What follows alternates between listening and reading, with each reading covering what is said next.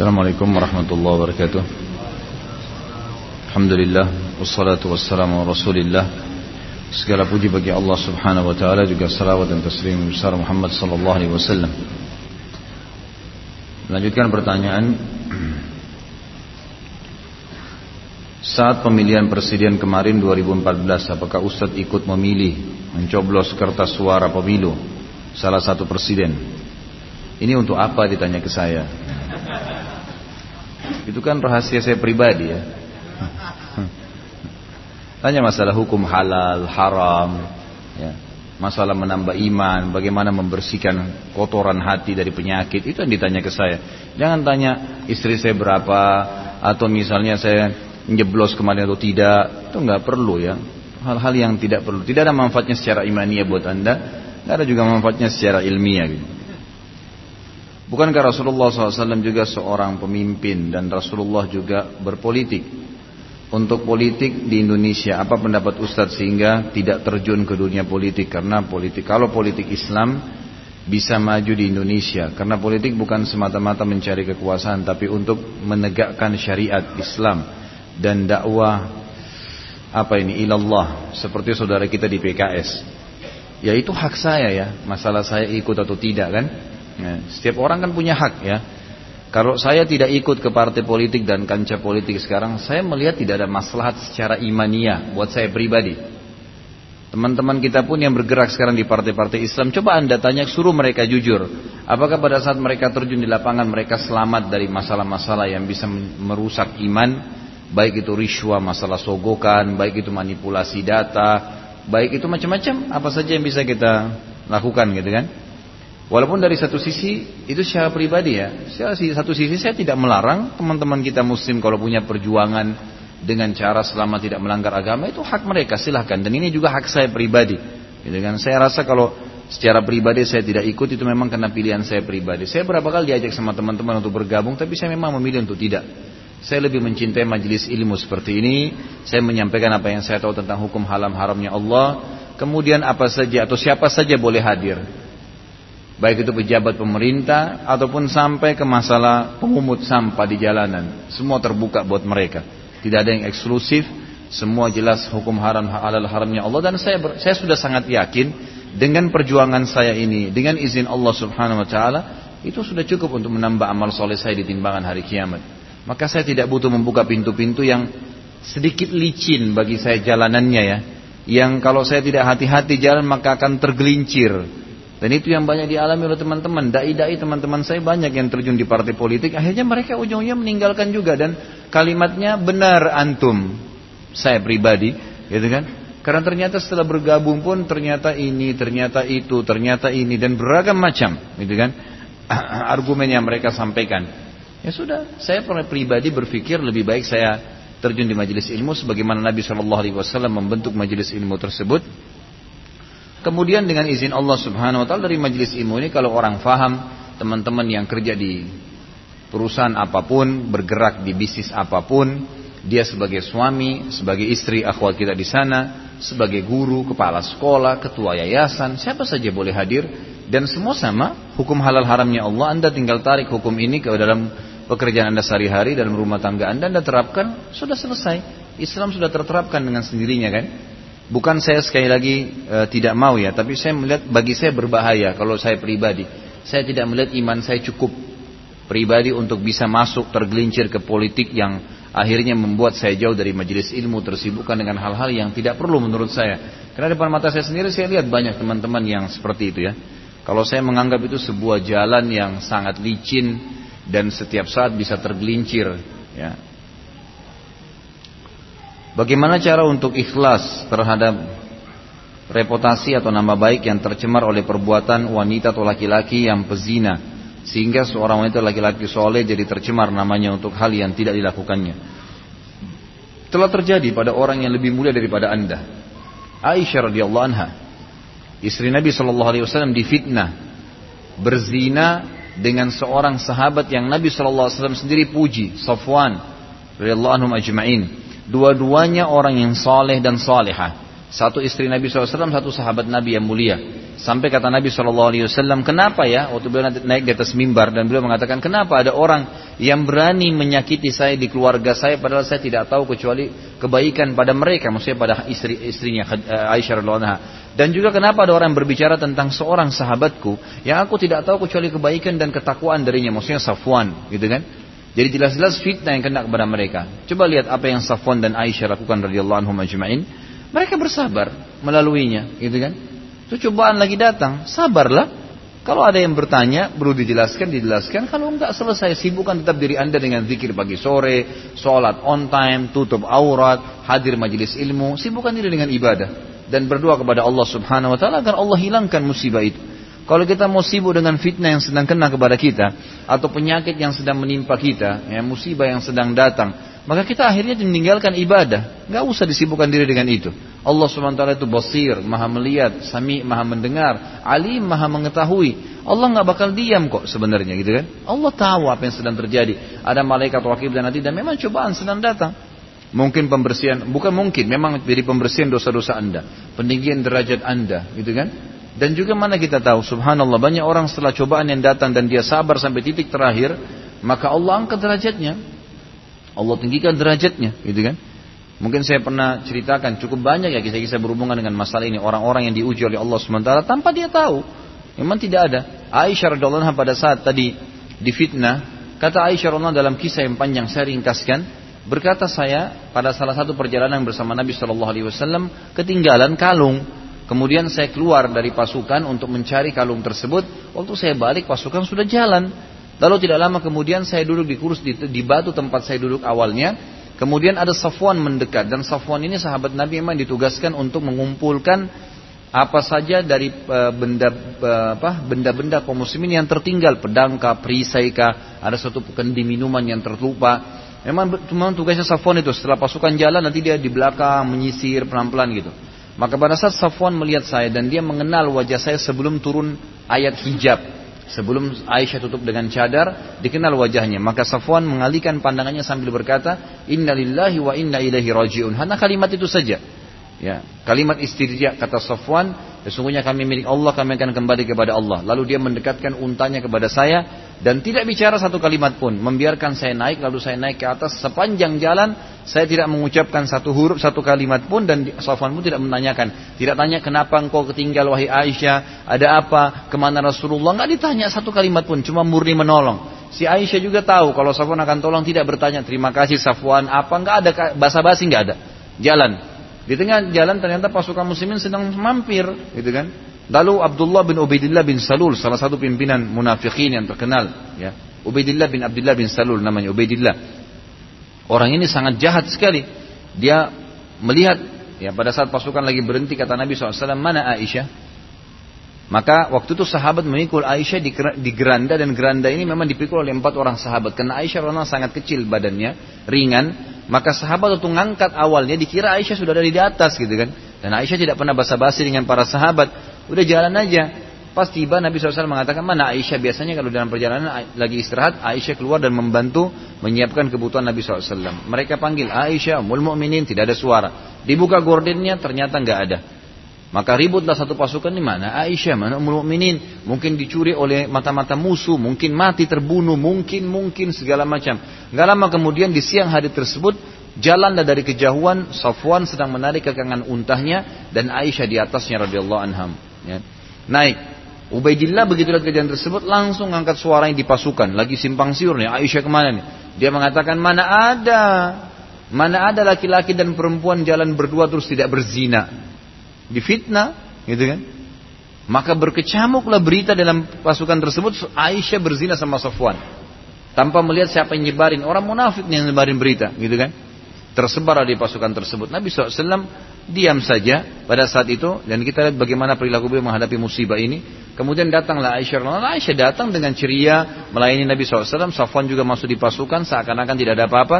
Setelah dua minggu kejadian tersebut, kata Aisyah di Madinah, setelah sampai di Madinah, saya melihat perilaku Nabi SAW berubah, nggak kayak biasanya. Biasanya ramah, ya, Nabi SAW lebih banyak diam, gitu kan. Tidak seperti biasa lah ya, kemesraan pun berkurang gitu. Lalu Aisyah berkata, ya Rasulullah, kalau anda memang merasa saya, tidak ada hajat dengan saya, artinya anda ingin sendirian sekarang, izinkan saya pulang ke ayah saya dan ibu saya. Nabi SAW mengatakan, baiklah, diantarlah ke rumah Abu Bakar dan istrinya pada saat itu dibantar di rumah orang tua ya Aisyah. Sampai di rumah orang tua tersebut, Aisyah masih belum tahu apa-apa nih. Nabi SAW pulang satu Madinah sudah heboh nih kalau Aisyah berzina. Bayangkan Jangankan seorang nabi kayak Nabi SAW yang sudah masyhur waktu itu nabi dan raja di Madinah. Seorang tokoh masyarakat saja kalau dianggap tersebar istrinya selingkuh, bagaimana tuh gitu kan? Heboh satu Indonesia mungkin. Kalau presiden kah, menteri kah, ustadz kah, naudzubillah atau siapa gitu kan, itu berbahaya sekali. Maka itu yang terjadi di Madinah. Nabi SAW waktu itu diam, tidak bisa buat apa-apa. Belum naik di atas mimbar. Ya, setelah dua minggu kejadian nih, naik di atas mimbar. Waktu itu satu bulan wahyu terputus. Nggak ada wahyu sama sekali. Nggak ada informasi dari Allah tentang apa yang sedang terjadi ini. Diuji. Allah SWT menguji Nabi SAW, menguji Aisyah, menguji Safwan, menguji kaum mukminin pada saat itu dan juga sekaligus ingin membongkar kedoknya orang-orang munafikin. Dibiarin sebulan. Setelah dua minggu kejadian tersebut, Aisyah masih ceria sampai pulang ke rumah ayahnya. Pas tiga minggu, ya tiga pekan Nabi SAW naik di atas mimbar. Mohon maaf, bukan tiga minggu nih, sebulan. Pas sudah sebulan kejadian, Aisyah sudah pulang ke rumah orang tuanya dua minggu. Maka sebulan kemudian, eh, dua minggu kemudian Nabi SAW pas genap sebulan kasus tersebut, Nabi SAW lalu berkata, Kenapa ya ada orang-orang yang menyakiti aku di istriku padahal aku tidak tahu kecuali kebaikan dari mereka dan menyakiti seorang sahabatku yang aku tahu tidak tahu kecuali kebaikan dan ketakwaan darinya lalu berdirilah satu orang waktu itu dari orang Ansar dari suku Aus yang berkata ya Rasulullah kalau seandainya Anda perintahkan kepada kami, kami akan memenggal lehernya itu penyebar berita. Ternyata penyebar berita adalah Ubaidillah bin Abdullah bin Sarur. Ini orang dari asli orang Madinah juga, dari suku Khazraj. Dulu ya eh, Madinah ini dipimpin oleh atau dikuasai oleh dua, dua suku ini, Aus dan Khazraj. Setelah masuk Islam namanya Ansar gitu kan. Maka berdirilah orang dari Khazraj mengatakan kepada orang Ansar orang orang Aus tersebut, Kau tidak ucapkan itu kecuali karena kau tahu demi Allah bahwasanya yang mengucapkan itu dari suku kami. Kalau dari sukumu kau tidak akan bicara. Ributlah akhirnya. Dari suku Aus berdiri lagi mengatakan, kau musuhnya Allah, kau pun akan kami penggal lehermu kalau Rasulullah SAW perintahkan. Ribut di antara sahabat nih. Maka Nabi SAW melihat tidak ada masalah, makin ribut sahabat nih. Lalu beliau pun turun dari mimbar, kemudian beliau sekarang ingin memecahkan permasalahan langsung kepada Aisyah. Datanglah Nabi SAW kepada Aisyah di rumahnya. Ayahnya kemudian pada saat masuk kata Aisyah, datanglah Nabi SAW ke rumah kami. Yang sebelumnya pas dua minggu kejadian beliau pulang ke rumah orang tuanya itu. Dalam dua minggu itu ternyata ada seorang wanita Ansor yang datang kemudian bermain rumah Aisyah gitu kan ingin tahu perkembangan Aisyah nyambut dengan ceria dengan senyum kata orang itu wahai ummul mukminin anda tidak tahu apa yang sedang berkecamuk di Madinah kata dia tidak kata Aisyah Kata perempuan tersebut, orang telah berbicara bahwasanya anda berzina dengan Safwan, disebarkan oleh Ubaidillah bin Abdullah bin Salul, gitu kan? Maka Aisyah berkata pada saya, saya dengarkan berita tersebut, tiba-tiba seluruh tulang-tulang saya lemas, saya pun tergeletak jatuh di atas ranjang dan menangis sambil berkata, apakah orang sudah mengucapkan itu? Mereka mengatakan, mengatakan iya. Maka semenjak itu kata Aisyah, aku tidak ingin makan, tidak ingin minum, dan aku pun lemas di atas menangis selama dua minggu itu. Sampai Nabi SAW datang kepada kami.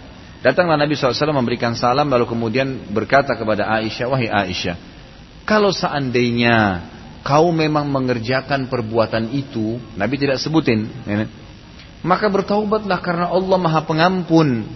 Tapi kalau seandainya kau tidak lakukan, pasti Allah akan membelahmu.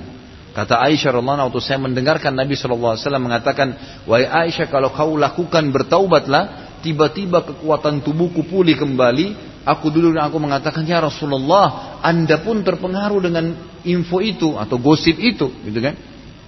Demi Allah saya tidak akan taubat kepada Allah khusus masalah ini karena saya tidak melakukannya. Apa yang saya harus taubatin? Saya tidak melakukan zina, tidak buat apa-apa, gitu kan?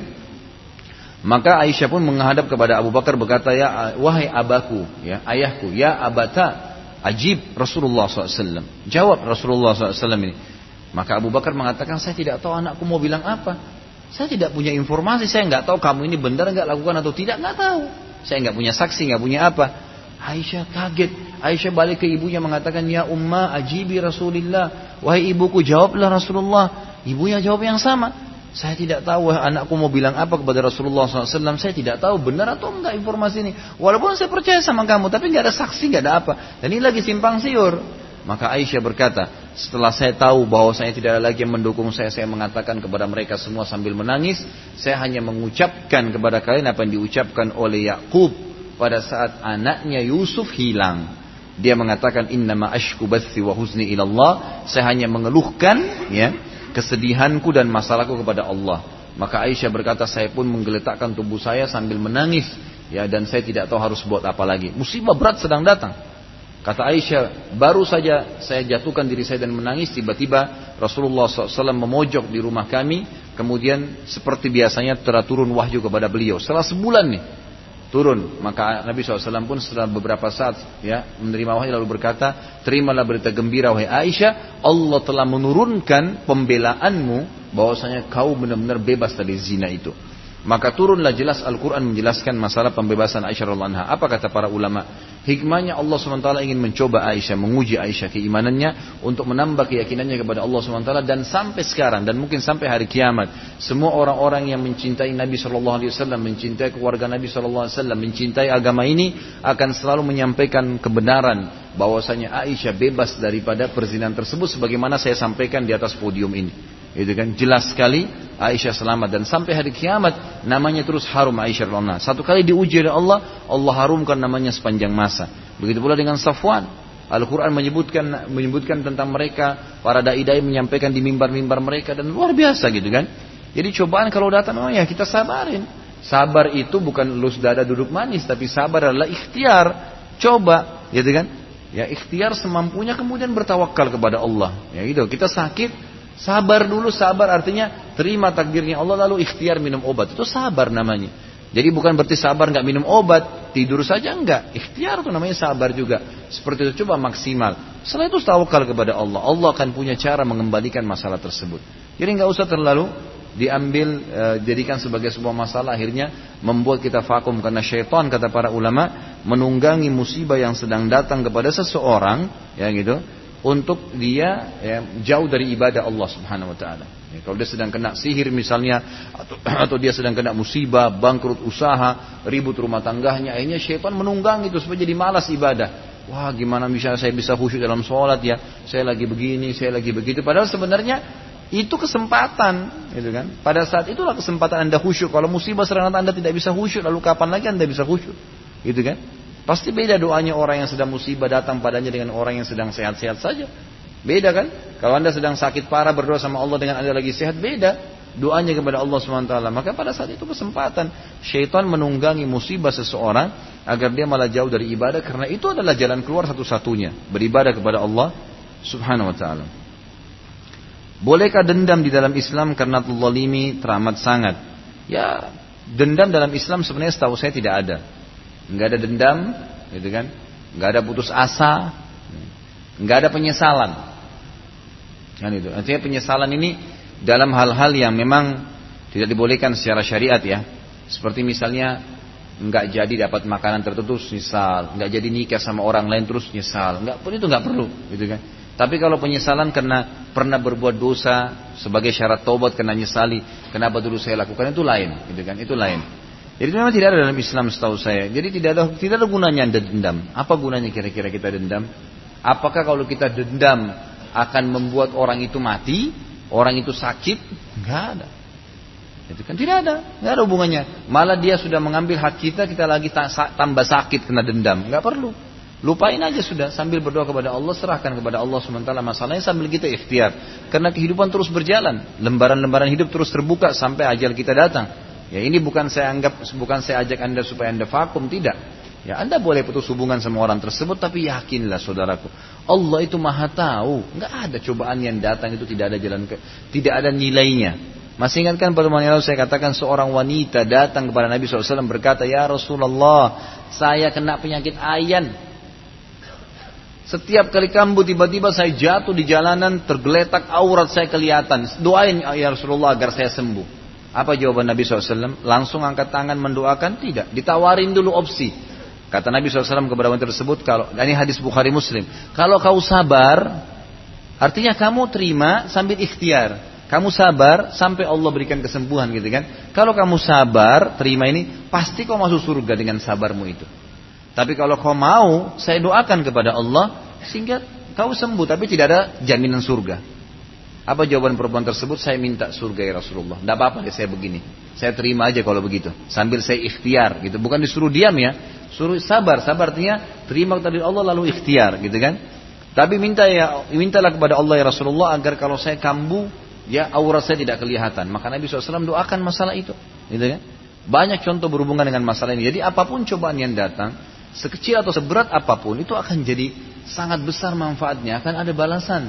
Mungkin dari derajat di surga Anda tidak bisa jangkau dengan umur Anda yang sekarang. Dengan sholat yang Anda kerjakan selama ini yang tidak khusyuk. Yang puasa kadang-kadang ah, bisa saja maksimal, bisa enggak. Mungkin masih ada dosa-dosanya. Mungkin zakat yang kita bengkalaikan. Mungkin bakti orang tua yang kurang. Mungkin hak-hak orang lain yang masih tersangkut dengan kita. Maka Allah SWT tinggikan dengan cobaan tersebut. Gitu kan? Allah SWT jangkaukan Anda derajat surga dengan cobaan tadi. Jadi saran saya nggak usah dendam, hanya akan menyakitin hati sendiri dan tidak memecahkan permasalahan. Doakan agar Allah Anda punya hak untuk mendoakan dia supaya dimusnahkan, supaya dihukum boleh. Tapi Anda juga punya hak untuk mendoakan agar Allah berikan hidayah, mudahkan agar dia bisa membayar utangnya misalnya, kemudian Allah berikan petunjuk. Jadi selama dia jadi baik sampai dia meninggal kita panen pahalanya. Jadi lebih baik mendoakan kebaikan.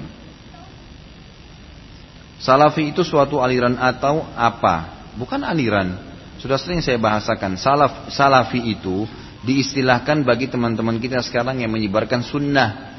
Karena sering kali mengatakan kembalilah kepada pemahaman salaf. Salaf itu maksudnya sahabat, tabi'in. Itu kan yang orang mendahului kita dulu. Karena banyak orang, hampir semua kelompok Islam sekarang ini mengaku, ya mengaku mengatakan saya juga berpegang pada Al-Quran dan Sunnah, termasuk orang-orang liberal tuh, yang mengatakan boleh nikah lintas agama lah, semua orang bisa masuk surga, itu beristidlal dengan Al-Quran, mengambil dari Al-Quran, dipotong-potong ayatnya. Kenapa? Karena ayat Al-Quran dan hadis Nabi SAW tidak difahami seperti pemahaman sahabat, gitu kan? Ayat Al-Quran turun dan hadis Nabi SAW disebutkan di hadapan para sahabat. Mereka menyaksikan itu. Dan sering kali terjadi di kasus mereka. Kasus rumah tangga mereka, peperangan mereka dengan orang-orang kafir gitu kan. Haji dan umroh mereka. Ya ini semua turun di kalangan sahabat. Jadi untuk memahami agama ini dengan benar, itu kita harus mengikuti pemahaman para sahabat. Maka itu diistilahkan dengan kaum salaf yang telah mendahului kita.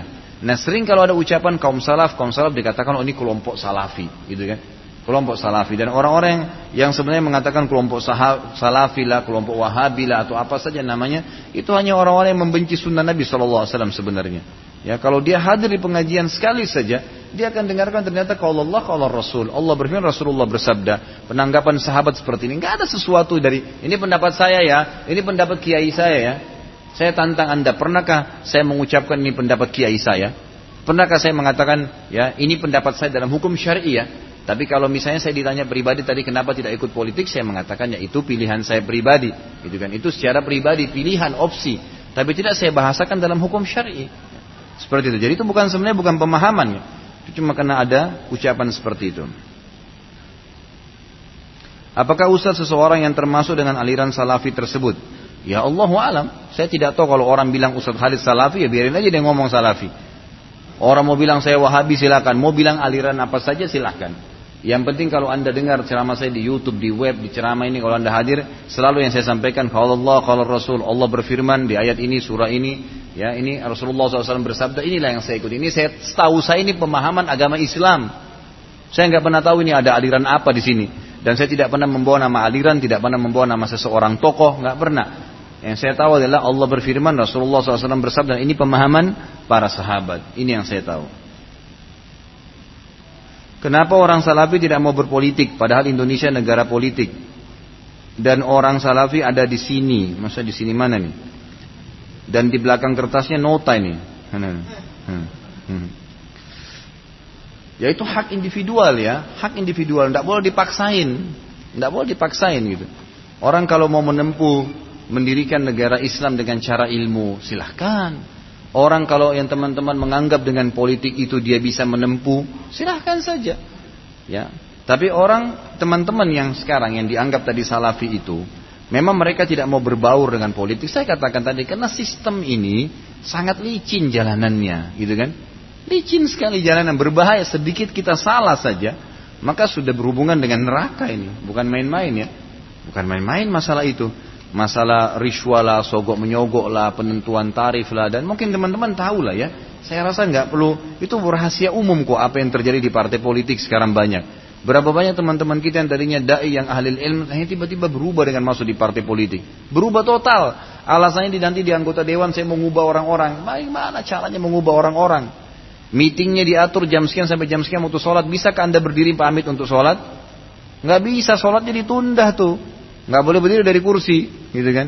Tapi kalau kamar mandi boleh. Ya. Kalau ke makan boleh, sholat nggak boleh. Kan gitu. Itu yang terjadi. Hal kecil, belum hal yang besar nih. Kalau kumpul kemudian harus berbaur dengan perempuan-perempuan. Kalau ini, kalau itu, waduh beragam macam. Sudah terlalu banyak, terlalu banyak. Ya orang lebih hati-hati kan, haknya orang untuk lebih berhati-hati, gitu kan. Dan saya rasa Jangan terjerat ke sebuah bingkai hidup yang kita buat sendiri ya. Artinya nggak mungkin negara Islam berdiri kalau nggak ikut partai politik. Itu kan pendapat Anda. Itu kan pendapat. Nggak harus begitu kok. Tidak harus begitu. Insya Allah dengan majelis ilmu makin banyak orang faham agama, makin banyak juga ya diperbaikin sistem yang ada. Kalau saya berpikir ya, kalau seandainya majelis ilmu seperti ini yang sederhana, mungkin beberapa orang, 100-200 orang yang hadir, disampaikan ilmu agama yang benar, mungkin yang hadir dari jenjang siapa, jabat, pejabat sampai ke orang-orang yang biasa, kemudian semua jadi faham agama Allah, masing-masing kembali ke instansinya, ke kegiatannya, ke rumah tangganya, membawa agama Allah, mereka akan terapkan itu hukum Allah nanti. Oh yang jadi pejabat pemerintah ternyata ini salah nih, nggak sesuai dengan agama, diubah deh. Oh yang kembali ke perusahaannya, oh kayaknya kita masih berhubungan dengan ini salah nih, diganti. Oh yang jadi suami kembali, oh ini kayaknya di rumah tangga kita masih ada ini diperbaikin. Dari majelis ilmu tuh, jadi baik semua nanti. Karena kita bukan berarti mendirikan negara Islam merusak yang sudah ada. Jangan begitu kan gitu. Masa ban mobil kita pecah satu semua mobil dibuang.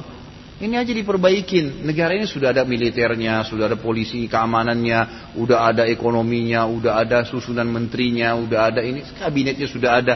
Tinggal bagaimana dikemas secara islami saja kan gitu dengan cara memberikan pemahaman agama kepada mereka. Allahu alam. Saat mau dijelaskan hukum sholat tasbih dikerjakan mandiri atau berjamaah. Soalnya saya baca-baca banyak pendapat. Ya jadi sholatnya sendiri. Allah alam yang saya tahu dan memang pendapat pendapat uh, ulama terakhir yang saya tahu ya Syekh Albani rahimahullah menghasankan hadisnya. Jadi boleh saja tapi dikerjakan secara individu dan bukan berjamaah. Karena sholat berjamaah yang dikerjakan itu ada secara khusus ya. Seperti sholat malam yang pernah Nabi SAW kerjakan berjamaah dengan Abdullah bin Umar. Gitu kan dan beberapa sahabat di awal Ramadan sholat tarawih. Kemudian Nabi SAW juga mengerjakan sholat jenazah, ya, sholat istisqa, minta turun hujan, sholat gerhana, kusuf dan khusuf itu juga ada dikerjakan secara berjamaah. Itu mungkin kalau yang tidak ada dalilnya maka sebaiknya dikerjakan secara individual. Seorang wanita yang usianya sudah 57 tahun dia tidak mengenakan jilbab karena dia mengacu pada surah An-Nur ayat 60. Mohon penjelasannya. Ini aneh sekali. Bagaimana bisa mengacu kepada Al-Quran lalu alasannya supaya tidak berjilbab? Dari mana ini itu? Jelas-jelas pemahamannya sangat fatal. Ini salah ya, salah sekali. Allah Subhanahu wa taala dalam banyak ayat Al-Qur'an menyuruh wanita untuk berjilbab. Yang menyuruh untuk berjilbab itu Allah Subhanahu wa taala. Kalau dia jadikan dalil Al-Quran untuk mengatakan itu adalah alasan saya tidak berjilbab, inilah yang saya bilang contoh saja ya. Bagaimana kalau kita mau fahami Al-Quran semau kita, bukan pemahaman para sahabat. Ini kacaunya di sini, gitu kan? Karena dia mau ambil penggalan ayat dia paham sendiri. Ya, padahal sebenarnya sahabat punya pemahaman tuh. Bagaimana ayat itu turun pada mereka pada saat itu. Semua hadis, semua ayat berhubungan dengan masalah hijab menjelaskan masalah tersebut bahwasanya memang hijab diwajibkan bagi kaum muslimin. Bahkan Umar bin Khattab mengatakan turunlah ayat hijab setelah saya meminta kepada Allah Subhanahu setelah saya mengingatkan kepada Nabi sallallahu alaihi wasallam untuk meletakkan hijab antara istri-istri beliau dengan kaum muslimin karena masuknya orang fajir dan orang mukmin. Lalu turunlah ayat hijab itu kan? Dalam surah An-Nur menjelaskan masalah hal tersebut. Apa pendapat antum tentang Abu Jandal yang menantang Polri, TNI, Densus dan Pancasila? Bagaimana sikap kita terhadap ancaman Abu Jandal terhadap NKRI? Yang mana Abu Jandal mengirim pesan ancaman yang tersebar di YouTube dan ancaman itu meresahkan masyarakat. Allahu alam ini Abu Jandal atau yang lainnya, gitu kan? Saya secara pribadi tidak pernah menyetujui masalah itu ya. Dan dari ini ditanya pendapat saya pribadi ya, maka saya tidak pernah setuju dengan hal-hal yang seperti ini. Bagi saya agama Allah ini agama benar. Sampaikan apa adanya. Allah berfirman, Rasulullah bersabda, itu itu selebihnya Allah nyampein. Ikhwas sekalian dan akhwat, saya duduk di meja ini, di masjid ini, di rumah Allah yang mulia ini, menyampaikan di atas podium ini. Yang saya sampaikan ini bukan hal yang, bukan sebuah karangan, bukan sesuatu yang saya susun secara khusus ya. Perlu antum tahu, setiap kali saya mau datang di sini hari Rabu, setiap kali mau datang, saya nggak pernah baca buku ini. Semenjak saya bahas buku ini, ya di mana beberapa tempat subhanallah nggak pernah saya persiapkan secara khusus. Kapan saya duduk di sini, apa yang terlintas saya sampaikan sudah yang saya pahami, yang saya pernah belajar dan saya yakin itu benar karena punya dalil. Itu saja yang saya ketahui, gitu kan? Kasusnya adalah banyak orang teman-teman, siapa pun namanya, semoga Allah berikan hidayah. Selalu yang dibawa Islam ini dengan kekerasan, ya, dengan ancaman, dengan beragam macam hal. Kalau ada yang salah diingatkan, diingatkan gitu kan. Dakwah itu harus dilakukan dengan hikmah, ya, dengan mauidhah. Kalau tidak bisa maka jidal, jidal pun itu perdebatan dengan cara yang baik. Allahu alam. Saya tidak pernah tahu apa kasusnya, kenapa ancaman, ada apa, saya tidak pernah tahu masalah itu tapi kalau memang dia sampai mengancam pemerintah NKRI ini artinya akan mengancam sampai diperang lah ribut lah segala ini termasuk hal yang keluar daripada uh, hukum taat kepada wali amr. Bolehkah memanipulasi data untuk pro, untuk promosi? Contohnya manipulasi followers di sosial media. Untuk apa? Untuk apa? Untuk lakukan barang 10, 100 untuk dapat duit masuk di rekening bonus 5 juta. Untuk apa saudaraku? Ya, kalau kita mati nggak ada yang dibawa. Sudahlah lurus-lurus saja. Apa adanya disampaikan. Jujur, amanah, tanggung jawab. Demi Allah ikhwas sekalian. Saya hadiri beberapa meeting dengan perusahaan-perusahaan besar. Gitu kan pada saat saya ikat presentasi mereka tentang masalah bagaimana perkembangan perusahaan itu untuk menjadi perusahaan yang miliar miliaran untuk gini untuk begitu, poin-poinnya semua yang agama ajarin. Trust, kepercayaan, bagaimana jujur, bagaimana amanah, bagaimana tanggung jawab. Saya sampai senyum pada saat melihat mereka menjelaskan. Dan menjelaskan dengan ini ya, berkata profesor dari Amerika ini, berkata profesor dari ini. Saya ketawa melihat, eh subhanallah, yang tiap hari kita ceramain, ustaz-ustaz ceramain masalah ini dan dalilnya jelas dari hadis Nabi SAW. Ngapain ikut meeting, seminar khusus masalah itu bayar sekian banyak untuk memajukan perusahaan? Nggak perlu, gitu kan? Ada agama cuma kita jauhi agama ini, subhanallah, gitu kan? Jadi jujur aja saudaraku, ya rezeki tidak akan ke mana-mana. Allah sudah atur itu. Tidak usah khawatir. Ingat selalu sabda Nabi Shallallahu Alaihi Wasallam. Kalau seseorang itu lari dari rezekinya, maka rezekinya itu akan mengejar dia sebagaimana mati mengejarnya kalau dia lari dari mati itu. Apakah negara Islam saat apa, adakah negara Islam saat ini? Jika ada, apakah perlu kita berbaiat? Tentu saja ada negara Islam. Ya banyak negara Islam. Saudi ada negara Islam. Indonesia pun ini dikatakan negara Islam. Ya. Yang saya tahu ya dari para guru-guru saya dulu memang ini termasuk negara Islam, negara-negara yang terpenuhi syaratnya ya pemimpinnya muslim, mayoritas masyarakatnya muslim, di negara itu diterapkan hukum Islam, maka dikatakan negara Islam kan. Kalau kita pertemukan dengan negara kita Indonesia ini, presiden kita sudah muslim. Dari awal sampai yang sekarang, semuanya kita tahunya muslim secara zahir. Allahu alam kalau ada yang menipu, ada yang munafik, Allahu alam kita nggak tahu. Tapi kita ambil secara zahir hukumnya kan. Muslim berarti sudah kita hukumi sebagai muslim, gitu kan? Kemudian yang kedua mayoritas masyarakatnya muslim. Kita sudah tahu lebih 80% orang muslim di Indonesia. Menerapkan hukum Islam ya sudah diterapkan. Ada memang beberapa substansial Islam yang belum diterapkan. Hudud, pencuri dipotong tangannya, pezina dicambuk, itu yang belum. Tapi kita sholat di sini sekarang, takmir masjid itu bukan syariat dari Islam. Kita menikah dengan cara Islam, akad nikah, dua saksi, ada KUA, mengurus masalah itu, pemerintah turun tangan, ada buku akad nikah, itu bukan syariat Islam. Orang cerai masuk di pengadilan, hakimnya membahas ayat Al-Quran begini, ini begini, kenapa cerai Allah membolehkan. Cerai berapa kali dijelaskan, hakim-hakim kita luruskan dengan hukum syari. Itu bukan cara Islam. Warisan mau dibagi dengan cara Islam ada di Indonesia, gitu kan. Walaupun memang masih ada hukum-hukum lain, tapi kan Islam jalan.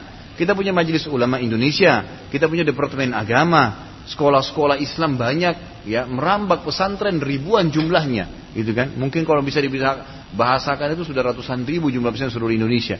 Bebas-bebas saja kita terapkan hukum Allah Subhanahu wa taala ya kan gitu? Jadi banyak sekali hukum Allah Subhanahu wa taala cuma belum diserapkan ini yang saya bilang tadi banyak orang-orang kita cuma terbawa dengan semangat saja. Oh, Indonesia ini negara kafir togut gitu kan? Dianggap ini tidak benar karena tidak terapkan hukum Islam apa yang belum diterapkan sebagian kecil? Tadi saya bilang kalau ban mobil kita kempes, tambal kan gitu. Atau kalau parah pun ganti ban dalamnya itu. Biarin yang tiga itu yang bagus berjalan, gitu kan? Seperti itu mudah-mudahan bisa difahamin poinnya gitu kan. Jangan semua dibawa dengan hal-hal yang akhirnya merusak hubungan kita dengan kaum muslimin yang lainnya. Bolehkah kita bolehkah jika bayi baru jika bayi baru lahir mungkin ya, dicukur pada hari ke-10 dan sembeli akikah dua bulan kemudian. Setahu saya ya, setahu saya Allah alam, ya memang harinya harusnya hari ke-7, harus hadisnya hari ke-7. Dan yang lebih kuat pendapat ulama mengatakan kalau lewat dari hari ke-7 sudah gugur. Sudah gugur. Ini pendapat jumhur ulama ya. Ada pendapat sebagian ulama mengatakan kalau memang dia tidak mampu atau dia lupa hari ke-7, maka mungkin dia bisa lakukan kapan dia bisa. Tapi tetap kalau mau cari pahalanya hari ketujuh dari hari dia lahir. Kalau malam ini ada seseorang yang lahir anaknya, maka hari ini mulai dihitung hari pertama. Tujuh hari ke depan dia cukur rambutnya, ditimbang dengan timbangan perak atau emas, lalu disedekahkan jumlahnya. Kemudian dia menyembeli kambing dua ekor kalau laki-laki dan satu ekor kalau perempuan. Bagaimana sunnah nama bayi? Satu nama atau boleh dua lebih? Sudah sering saya bahasakan ini. Satu nama saja. Untuk apa tiga? Muhammad Yusuf Saleh. Siapa yang mau dipanggil nih? Tiga-tiga nama Nabi lagi. Ini tuh. Belum lagi Muhammadnya sendiri ditulis muh saja. Diringkas. Gitu kan cuma hiasan kadang-kadang. Kemudian Muhammad Yusuf. Yusufnya juga kadang-kadang tinggalkan soalnya yang diambil itu pun soalnya dipanggil lagi lehnya. Terakhirnya leh, leh. Kenapa nama baik-baik? Gitu kan. Satu nama. Coba semua nama Nabi. Adam, Yunus, Saleh, Shu'aib, Hud, Musa, Isa. Satu nama semua. Tinggalkan tuh tradisi kita di Indonesia nih yang biasa namanya sampai tiga empat nama. nggak dipakai juga. Satu nama. Perempuan-perempuan Aisyah, Maryam, Asia, Khadijah. Satu nama. Satu nama cukup dan panggil lengkap. Ya, Panggil lengkap. Jangan dipanggil setengah-setengah. Supaya makna nama itu jadi baik. Gitu kan. Seperti itu. Jadi satu nama saja. Untuk apa banyak-banyak? Apa hukum dari orang yang bersodokah dengan uang yang jelek atau rusak? Ya kalau dia tidak punya kecuali itu nggak apa-apa.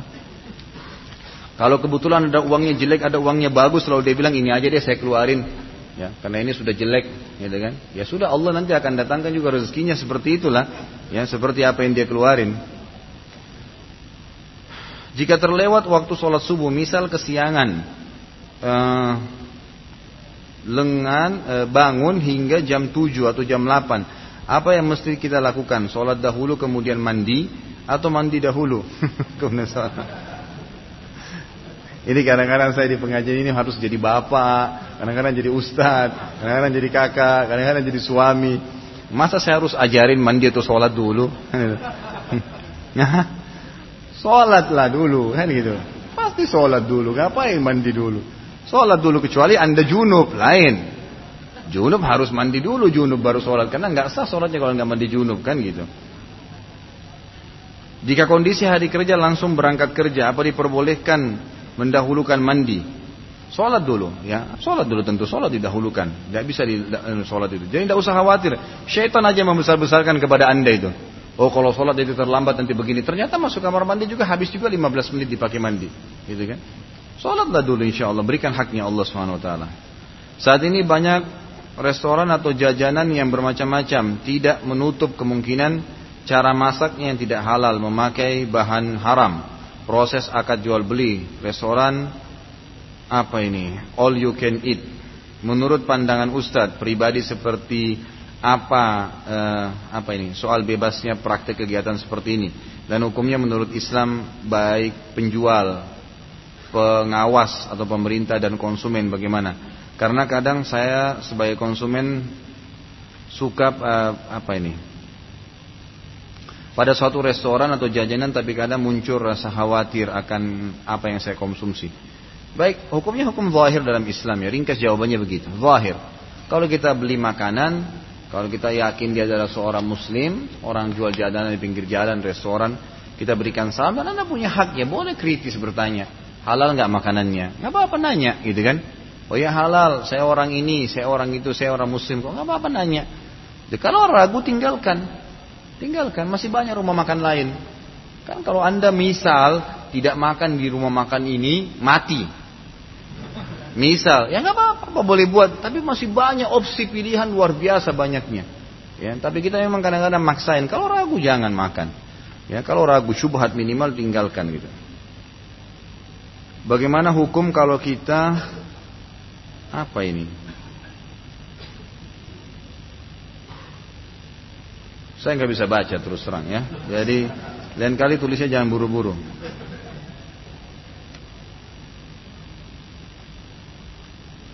Kita berbuat baik, misal nolong angkat barang.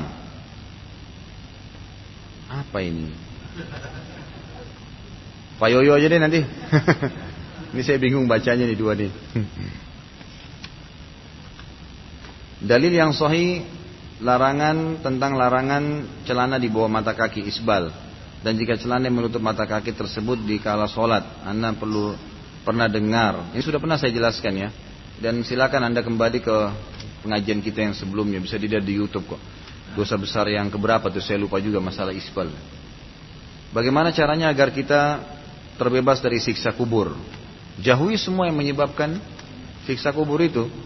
Ya, umumnya adalah maksiat kepada Allah SWT. Jauhi semua kemaksiatan. Karena saya sudah bilang, siksa kubur akan datang kepada seseorang yang tidak sempat taubat dari dosanya walaupun belum tentu masuk ke dalam api neraka. Sudah panjang lebar saya ceritakan ini. Dosa besar kalau tidak salah dua dosa dosa besar ke 79 waktu itu, ya. Bisa kembali ke YouTube bagaimana panjang lebar saya jelaskan masalah ini. Apa hukumnya mandi dalam keadaan telanjang? Boleh saja, asal bukan di tempat umum. Nah, itu. Nah, iya. Kadang-kadang pertanyaan aneh-aneh juga ya.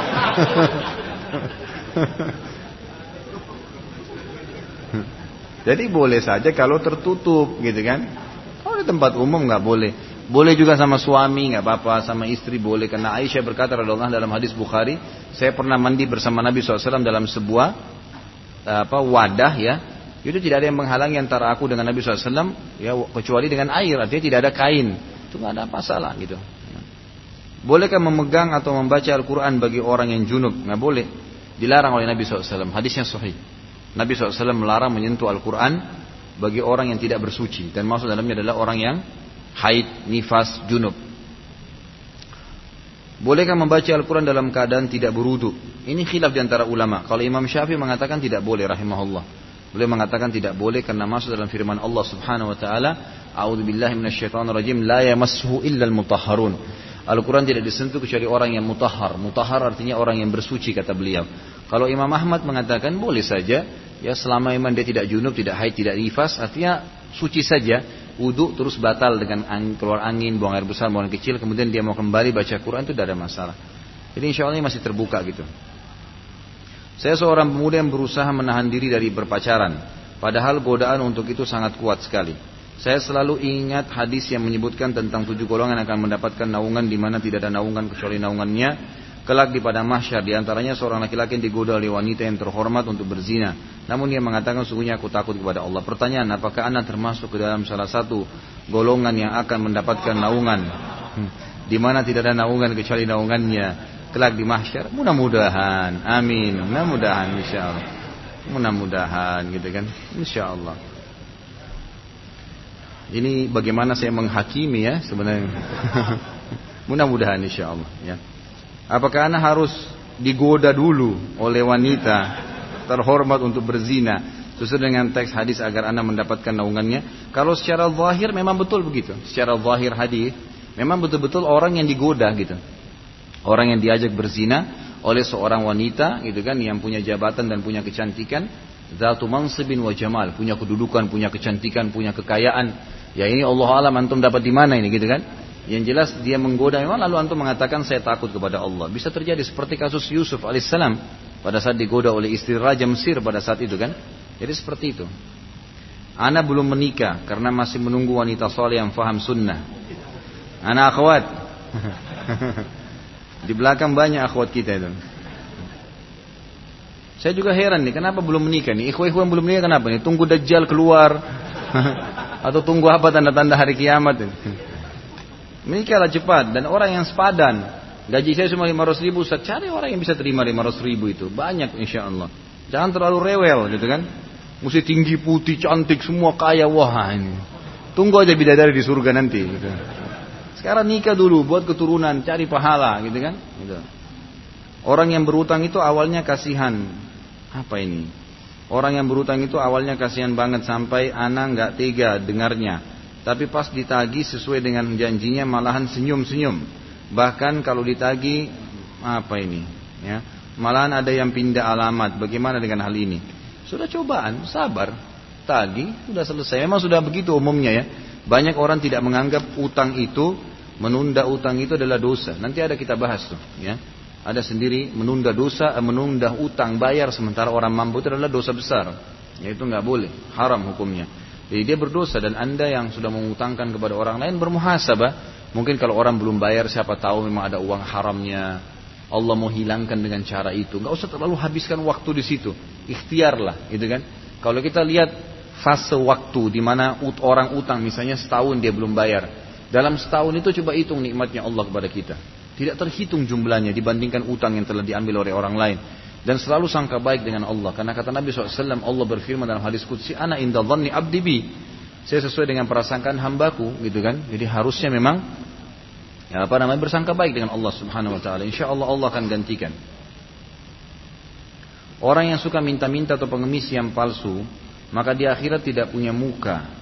Yang suka mencuri, maka di akhirat nanti membawa barang curiannya di hadapan Allah dan di hadapan seluruh manusia. Bagaimana dengan orang yang suka berzina seperti homoseksual atau cabul lesbian? Ya tidak ada dalil berhubungan dengan masalah itu ya.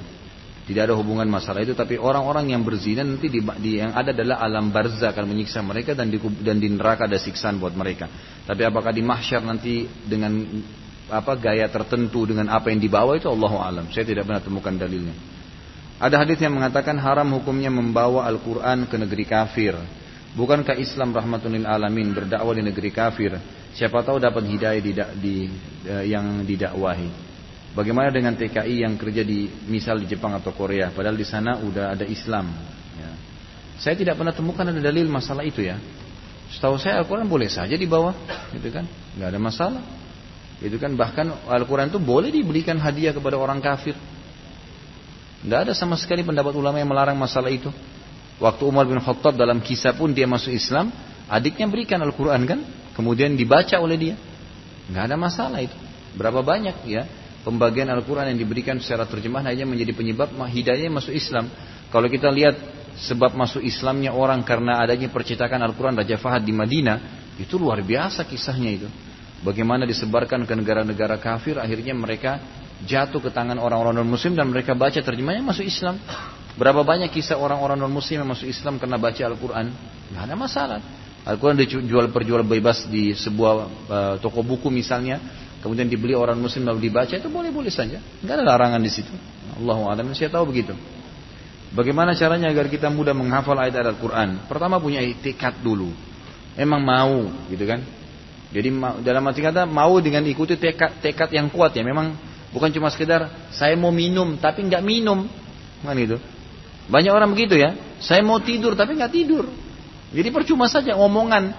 Memang harus dipraktekin. Saya mau tidur ya sudah, tinggalin semua aktivitas lain, tidur pada saat itu. Saya mau makan ya makan, lakukan gitu kan. Ikuti dengan tekad, jangan cuma bilang saya mau hafal Quran, tapi nggak ada upaya. Buatin langsung schedule pada saat itu waktunya, programnya, jadwalnya, cari seorang ustadz hafal Quran, lalu ikutin programnya. Itu sangat bagus ya. Jadi teman-teman juga insya Allah coba praktikin itu. Saya insya Allah dengan izin Allah akan praktikin pada saat restoran nanti buka lagi di Condet saya akan praktikin nanti semua pegawai di restoran itu di Ajwat nanti akan bekerja tiga hari sip pagi dari jam 8 sampai jam 5 sore kemudian sip 2 itu dari jam 4 sampai jam 12 malam dua sip memang nah yang sip pagi nanti sore mereka ikut tahfidz Quran Insya Allah saya akan datangkan Ustadz tahfidz Qurannya jadi mereka yang ikut dan itu saya wajibkan pegawai. Yang tidak mau saya keluarin. Gitu kan. Jadi tanda kutip sedikit dipaksa. Gitu kan. Ya itu metode yang saya pakai nanti. Kemudian yang sip malam, nanti yang sip yang sip malam nanti pagi mereka kosong dari pagi sampai jam 5 sore kan pagi. apa kosong. Mereka bisa ikut tahfidz 2 jam 3 jam dan saya akan bayarkan ustadznya. Yang penting mereka mau gitu kan. Insya Allah mudah-mudahan dua tahun kerja itu sudah bisa hafal Quran, sudah dapat duit, dapat ilmu dan seterusnya mudah-mudahan ya. Ya itu salah satunya. Jadi anda bisa terapkan sebenarnya, bisa buatin program. Teman-teman sini bisa panggilin untuk istrinya di rumah kalau ada kelebihan rezeki atau biarin ikuti halakal Quran. Anda sendiri buat program sama teman-teman, panggil seorang ustadz atau siapa teman ikhwah yang hafal Quran. Ayo kita mulai yuk berapa 10 ayat. Tergantung nanti ustadznya buatin program. Ya, kalau saya sampaikan program di sini sudah berapa kali ada pertanyaan saya sampaikan program, Allah alam diamalin atau tidak, gitu kan? Tapi coba anda ikutin saja program uh, ustadz-ustadz yang sudah anda bisa ikut dengannya dan yang penting bagi saya adalah punya tekad yang kuat, lakukan, programin, langsung jalankan, praktekkan itu. Sebulan yang lalu Teman saya mentalak istrinya, sekarang lagi proses perceraian ke pengadilan agama. Sampai saat ini mereka masih tinggal satu rumah. Yang saya mau tanyakan Ustaz, bagaimana status hukum talaknya? Seandainya mereka melakukan atau terjadi hubungan badan, mengingat mereka masih tinggal bersama. Mohon jelaskan Ustaz, bagaimana dalam tuntunan syariat Islam seorang suami bisa mentalak istrinya talak satu sampai talak tiga. Jadi kalau dari pengucapan kalimat talak itu, saya ceraikan kamu dengan kalimat lafaz jelas ya. Saya pisah dengan kamu, jelas dengan kalimat itu dia ucapkan sama si suami, maka terjadi tolak pada saat itu. Dari waktu pengucapan kalimat tersebut tiga bulan ke depan, tiga kali masa haid si wanita, namanya masa iddah. Masa iddah ini masa transisi bolehnya baikan, itu masa iddah, gitu kan? Jadi pada saat tiga bulan itu kalau mereka baikan, mereka saling maaf, apalagi sampai hubungan biologis, udah rujuk namanya. Jadi suami istri lagi kembali. Ya, dan kalau sudah hubungan biologis ya batalin aja pengadilannya. Ngapain lanjutin pengadilan? Ini tidak usah, berarti kan sudah batal gitu kan. Nah kalau mereka lewatin masa iddah itu, lewat masa iddah tiga bulan, kemudian mereka baikan, mereka nggak boleh spontanitas berhubungan biologis. Mereka harus kembali akad nikah baru, karena sudah lewat masa iddah, sudah lewat tiga kali masa haid, maka harus akad nikah baru, walinya perempuan ada lagi, maharnya, saksinya dan seterusnya itu maka boleh-boleh saja mereka kembali lagi setelah itu. Jadi ini nggak ada masalah sebenarnya. Tinggal dibatalin pengadilan agamanya dan insya Allah kembali berumah tangga, gitu kan? Dan saya sarankan teman-teman sekalian, jangan berumah tangga dengan niat bercerai, gitu kan? Jangan berumah tangga mau jalan rumah tangga suka dukanya bersama. Ini sedikit jengkel saya ceraikan kamu, sedikit ini menyesal saya nikah sama kamu. Eh, apa ini? Merumah tangga apa gitu loh. Jalanin suka dukanya gitu kan. Ada saatnya kita jengkel, lagi males, lagi sumpah. Wajar itu pasangan. Yang satu merendah. Nanti kembali lagi saling menyayangi satu sama yang lain. Karena Allah memang jadikan sebagai tanda-tanda kebesaran. Allah mengatakan, waja'alna bainakum mawaddatan warahmah. Kami jadikan di antara kalian apa kasih sayang, menghadapi suka duka sama-sama. Kasih sayang ini, mawaddah ini, kasih sayang itu akan kelihatan pada saat pasangan sedang ada masalah. Mawaddah itu kelihatan di situ, gitu kan? Ya maaf, mawaddah ini cinta, warahmah kasih sayang itu rahmah. Kelihatannya pada saat teman pasangan kita lagi masalah. Dia lagi sumpah, dia lagi ada masalah, dia lagi ini. Itu di situlah kasih sayangnya kelihatan. Kita pecahin sama-sama, rangkul dia, gitu kan? Jadi seperti itu. Bukan berarti laki-laki kalau merangkul sini berarti dia rendah enggak. Bukan juga seorang wanita karena dia benar lalu diangkat suara depan suaminya enggak, gitu kan? Jadi kita dahulukan iman dalam masalah ini. Dulu saya sering naik Kopaja atau Metro Mini. Jika tiap kali keneknya nggak memungut ongkosnya, saya jadi lupa bayar ongkos. Asal Kopaja itu berhenti, langsung saja saya turun. Dan tak lama setelah itu saya baru ingat kalau saya belum bayar ongkos. Dan yang saya tidak udah tidak ingat lagi Kopaja Metro Mini mana saja yang pernah saya tumpangin itu. Saya takut jika di akhirat nanti para supir dan kenek itu menagih ongkos tersebut. Dalam kasus ini apa yang saya harus lakukan? Pertama taubat kepada Allah Subhanahu wa taala kalau Anda sengaja. Kalau Anda sengaja. Kalau Anda tidak sengaja, memang kayak tadi kasusnya lupa ya, sudah turun gitu kan. Kemudian eh, betul-betul tidak ingat, tidak ingat nomor plat mobilnya, tidak ingat Metro Mini yang mana, ya udah gitu kan. Berarti lupa, sodokahkan uang itu. Nah tidak tahu mau ke mana gitu kan. Tapi kalau misalnya Anda turun, terus tiba-tiba terlihat Allah mudahin kita lihat platnya, atau mungkin besok kita naik, oh Metro Mini yang sama lagi. Ah tapi kemarin kan dia lupa nggak apa-apa misal. Nah ini nggak boleh kita harus serahkan kepada orang itu haknya. Kalau enggak ya memang pasti anda akan berhadapan sama supir-supir itu gitu kan. Otomatis gitu. Tapi dia tidak minta lagi 2000 perak atau 5000 perak hari kiamat, 5000 pahala. Gitu. Nah itu bahaya sekali. Bukankah rezeki sudah diatur oleh Allah? Salahkah jika pasangan suami istri memilih jalan untuk membangun usaha sendiri di rumah? Banyak yang menganggap remeh hanya dengan usaha kecil-kecilan kami. Kami tidak bisa mendapatkan rezeki yang banyak seperti orang lain yang bekerja dengan menerima gaji. Walaupun kami sarjana muda, tapi kami tidak ingin kerja dengan orang lain karena akan membatasi waktu ibadah kami kepada Allah. Kami memilih jalan usaha karena kami ingin beribadah kepada Allah dengan bebas tanpa ada batas waktu dan bisa menuntut ilmu di di apa ini di mana pun ada kajian, apa yang harus kami lakukan. Gini ya, kalau mau hidup tenang, jangan pedulikan perkataan orang. Yaitu saya selalu bahasakan sama istri saya, jangan pedulikan perkataan orang. Jadi setiap kali ada orang datang, kita lagi pakai baju nih. Oh baju kamu kayaknya nggak bagus tuh. Uh sudah kepikiran. Merasa kayaknya iya bener nggak bagus, besok nggak dipakai bajunya. Loh, ini baju saya beli, saya suka, ya kan? Oh iya makasih, tapi saya senang loh warnanya. Udah nggak apa-apa, selesai kan gitu. Orang bisa berikan tanggapannya terserah dia, tapi jangan itu menjadi prinsip hidup kita. Orang yang sepertinya tidak punya prinsip hidup, dia terganggu nanti, gitu kan? Dia lagi makan bakso. Eh kenapa kok makan bakso? Sini kan yang enak nasi goreng. Ya jawab, saya suka bakso. Nggak apa-apa, kan gitu. Punya prinsip. Jadi jangan terombang ambing dengan perkataan orang. Kita lagi buka usaha sendiri. Ya ini usaha saya. Mau seluruh dunia bilang apa terserah. Yang penting Allah Azza wa ridhohi. Yang penting agama kita ridhohi. Nggak usah peduli orang. Kalau ini bahaya ya. Sebentar kita multazim. Sudah berjenggot. Kenapa kau berjenggotan? Wah jelek nanti kelihatan tua. Ya ini sunnah Nabi jawab. Saya senang dengan ini. Jadi biar terjawab apa yang syubhat yang dia lemparkan ya. Dan usahakan apa yang orang bicara pada kita itu jangan didiamin ya. Jangan antum diam ya. Kalau misalnya ada orang tanya, kenapa kamu berjenggot? Bukannya kamu kelihatan lebih tua. Jangan senyum aja, nggak jawab. Loh karena ini sudah Nabi SAW. Dan saya merasa senang kok. Beda kalau per helainya ini 10 kilo bebannya. Maka ini kan kayak saya berapa ribu kilo ini kan gitu. Jadi itu jadi masalah. Tapi kalau enggak kenapa emang? Apa masalahnya ikhwah? Kenapa kalau berjenggot? Kenapa kalau multazim? Kenapa kalau usaha sendiri? Kenapa kalau menikah dengan orang yang saya pilih soleha? Kenapa kalau kita tinggal kos-kosan ngontrak? Seluruh dunia mau bicara apa pun ya ini kemampuan saya, gitu kan? Harus punya prinsip hidup. Masalah makanan, masalah pakaian, masalah apa pun. Selama Allah ridhoi jalani. Bismillah, nggak usah khawatir. Ya, maka anda akan selalu tenang. Tapi kalau setiap perkataan orang mau didengar, ini jadi masalah. Dan sering kali saya bahasakan sama istri saya, saya membangun sebuah pilar rumah tangga. Ingat, kalau ada tamu datang, ada kerabat datang, tidak semua kerabat saya pun sudah paham agama. Ada yang datang kadang-kadang mungkin nanggapin dapur, mungkin nanggapin ini, mungkin nanggapin itu. Iya aja. Ya udah terima kasih mas. Atau jelasin, kenapa ya kamu pakai sendok begini? Iya karena suami saya yang beli. Nggak apa-apa, gitu kan? Dan saya senang kok dengan itu. Berikan jawaban apa adanya, gitu kan? Oh kalau di rumah saya pakai yang begini. Oh ya alhamdulillah. Mudah-mudahan Allah berkahi. Kita berikan jawaban. Jadi kita jangan diam. Memang berikan jawaban tapi yang benar gitu kan.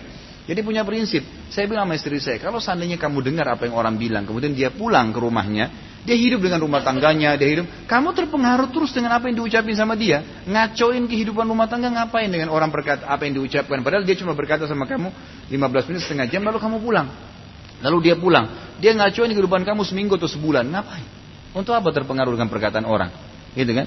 Media mau berbicara apa pun, berita apa pun, nggak usah terpengaruh dalam pribadi kita untuk apa? Selama ada masalahnya kita ambil, tidak ada masalahnya ditolak. Kita punya hak kok itu. Ya, kita punya hak dalam masalah seperti itu. Ustadz jika jam 3 sore mau dibius, ada perawatan di opname, jika bebas, jika apa ini? Kebablasan sampai maghrib, sholat asarnya bagaimana? Dijamak dulu dengan duhur. Ya, salah satu waktu atau salah satu keadaan yang boleh dijamak tanpa kasar ya, jamak saja. Duhur empat rakaat, asal empat rakaat adalah keadaan-keadaan darurat. Orang yang mau operasi, khawatir jadi gempa, gitu kan, longsor, nanti khawatir nanti nggak bisa sholat, itu boleh dijamak, boleh dijamak dalam keadaan darurat, gitu kan. Daripada kehilangan asar maka masih boleh dijamak, tapi tidak kasar di sini. Bolehkah seseorang masih gadis bepergian bersama temannya yang sudah menikah sehingga menjadi menjadikan larangan safar gugur karena bersama teman yang sudah memiliki suami. Benarkah pendapat dia bahwa larangan itu gugur karena bermahram pada suami temannya? Enggak benar. Gitu kan? Enggak benar kalau emang Anda berpegang pada pendapat ya, pendapat apa namanya? E, orang yang pendapat pertama kan mengatakan tidak boleh wanita safar sehari semalam tanpa mahram. Sudah pernah saya jelaskan masalah ini ya. Maka berarti tidak boleh karena suami suami teman itu bukan mahram bukan mahram gitu kan. Kecuali kalau anda nikah ya lain. Jadi kalau enggak maka bukan mahram sama saja. Tapi kalau ada pendapat lain yang mengatakan wanita selama sehari semalam safar, gitu kan, tanpa mahram ini memang diambil lafadznya sehari semalam dan di bawah 24 jam dia safar berarti tidak tidak butuh mahram, makanya ada pendapat yang membolehkan masalah itu. Jadi diikutin yang mana yang lebih mudah gitu.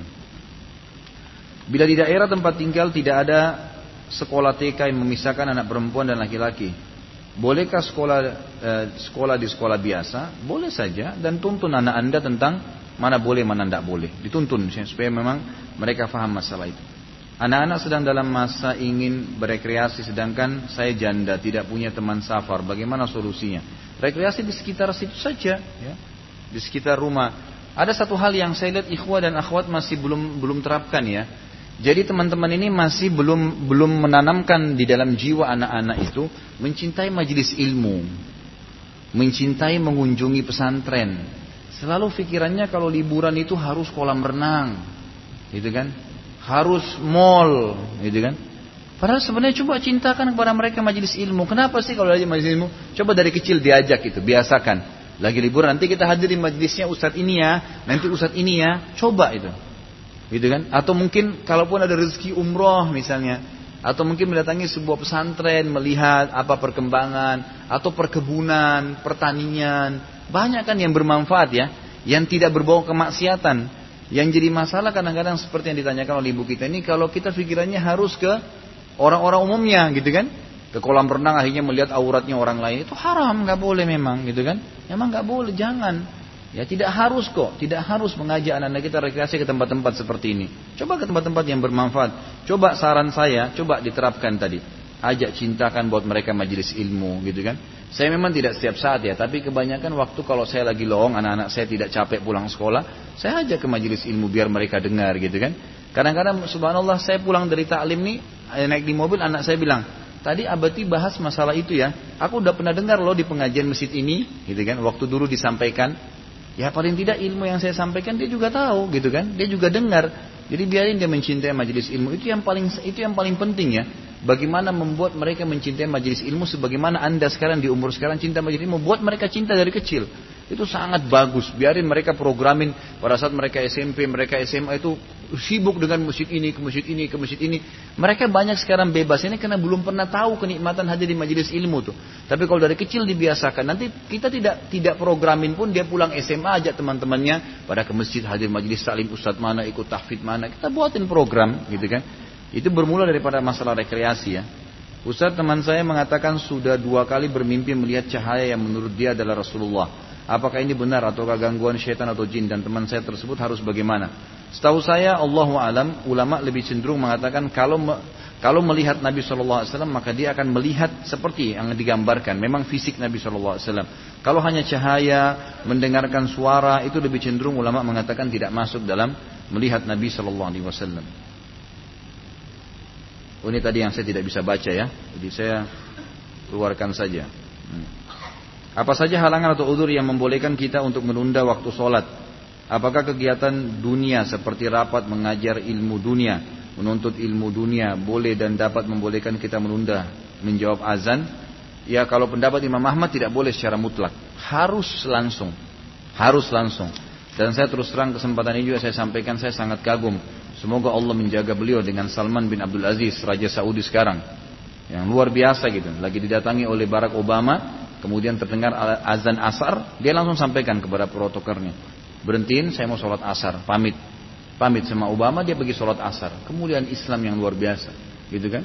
Akhirnya orang-orang muslim pun menghormati. Subhanallah, tidak ada kisah raja muslim yang menghormati agamanya kecuali musuh-musuhnya akan menghormati dia. Sudah begitu, gitu kan? Coba lagi meeting, lagi apa, Allah memberi rezeki. Berhentiin, saya mau sholat, maaf, tinggalin. Gitu kan? Muliakan diri anda dengan ibadah kepada Allah SWT. Jadi jangan tinggalkan hanya karena urusan dunia. Ya, insya Allah.